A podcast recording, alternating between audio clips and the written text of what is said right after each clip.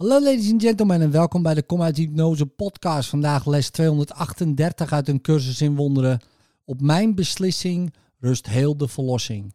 Vader, uw vertrouwen in mij is zo groot geweest, ik moet wel waardig zijn. U heeft mij geschapen en kent me zoals ik ben. En toch heeft u de verlossing van uw zoon in mijn handen gelegd en die laten afhangen van mijn beslissing. Ik moet waarlijk door u zijn bemind en tevens moet ik bestendig zijn in heiligheid.